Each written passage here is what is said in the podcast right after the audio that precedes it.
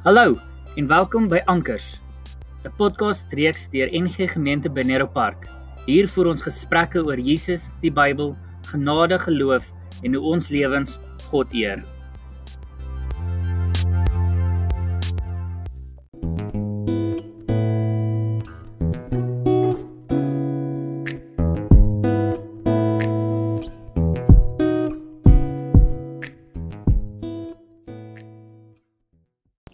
Goeiemôre.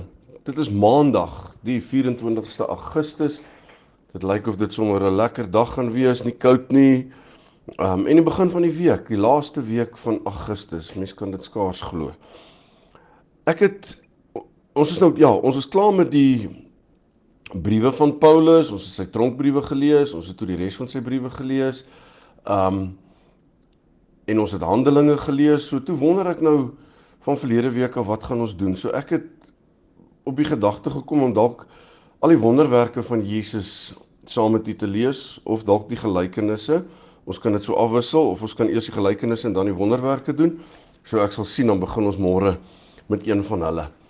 Ek het gister aand het ons so 'n stukkie vleis kon braai en toe die vuur aansteek en begin in die hout oppak en alles toe word ek net soort van bewus van 'n stuk dankbaarheid wat ek het.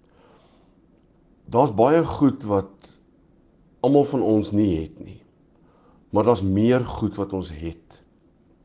En ek dink toe net by myself hoe, dankbaar is ons regtig vir die goed wat ons het. Ons kan maklik kla, ons ons is goed daarmee.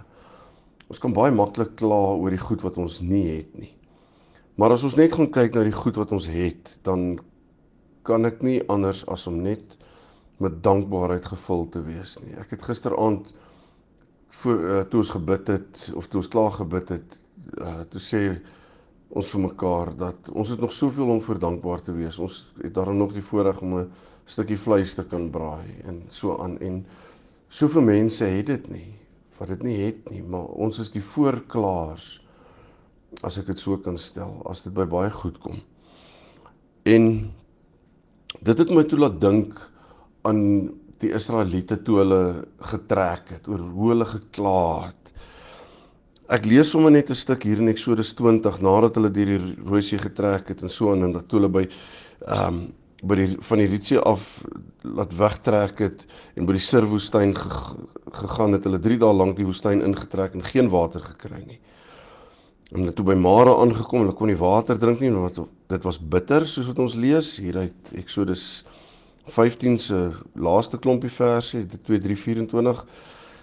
En toe begin hulle kla en hulle sê maar hulle het nie water om te drink nie en so en in die water wat ons hier by hierdie fontein gekry het is bitter en so aan.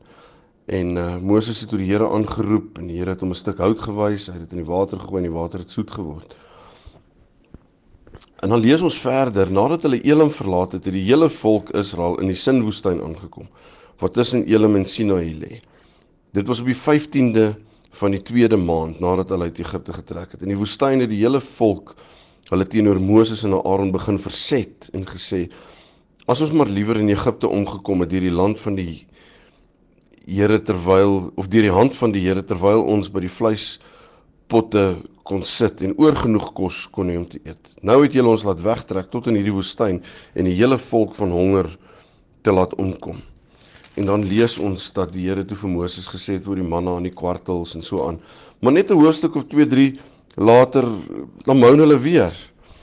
Um hoofstuk 17 nadat die hele volk Israel die Sinwoestyn vertrek het, het hulle bevel van die Here van plek tot plek gegaan totdat hulle by die Refidim tot by Refidim kamp opgeslaan het, maar daar was geen water vir die volk om te drink nie. Toe die volk met Moses risie gemaak, gesê: "Gee jy vir ons water om te drink?" En Moses antwoord hulle: "Waarom maak julle risie met my? Waarom stel julle die geduld van die Here op die proef?" En dan so aan en dan ehm um, die klip uit die of die water uit die rots uit en so aan. En toe dink ek Um ek dink ons is te min met dankbaarheid gevul. So kom ons gebruik vandag en ons dink net oor goed waaroor ons dankbaar kan wees. Ek en Anneke het al baie keer in ons lewe gesê net as ons wil begin kla oor dit of die of toe die kinders nog op skool was of hulle rugby beserings opgetel of iets van die aard en as 'n ou begin kla oor hoe sleg dit eintlik met jou gaan en so aan en jy hoor van ander mense se seer, dan sê ons elke keer vir mekaar ons vat maar ons pakkie weer terug. Kom ons dink vandag net oor dankbaarheid. Ehm um, oor die goed waarvoor ons dankbaar kan wees, vir gesondheid. Ehm um, om 'n huis te kan hê om in te bly of 'n blyplek, om kos te kan hê. Dink net gesels bietjie sommer daar in julle huis oor dankbaarheid, die goed waaroor ons dankbaar kan wees. Ehm um, ek dink ons het nogal rede vir groot dankbaarheid in ons lewens. Elkeen van ons, niemand van ons het nie iets om voor dankbaar te wees nie. So kom ons dink bietjie daaroor na. Kom ons bid. Hemelse Vader, ons moet erken dat ons dikwels so maklik kla. En is amper soos die Israeliete die tweede keer gekla het die die vleis van die kwartel sit nog tussen hulle tande vas as dit ware en dan kla hulle weer. En baie keer is dit met ons ook so. Ons het vleis, ons het brood, ons het 'n blyplek, ons het gesondheid. Ons het dalk nie baie geld nie, maar ons het nog om 'n broodjie te kan koop of 'n roomhuis. En daarvoor sê ons vir die dankie. Ons moet erken dat ons te dikwels nie dankbaar is vir wat ons het nie. En ons bely dit teenoor U, maar ook teenoor onsself dat ons eintlik vergeet hoe gelukkig ons is.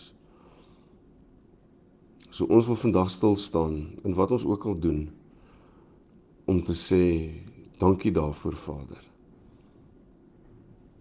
Dankie vir u genade in ons lewens en dat ons vriende en vriendinne en familie rondom ons kan hê om ons te ondersteun en te help. Dankie daarvoor. Dankie dat u vir ons goed is. Amen. Dankie, lekker dag vir almal verder. Ons gesels môre weer. Mooi beloop.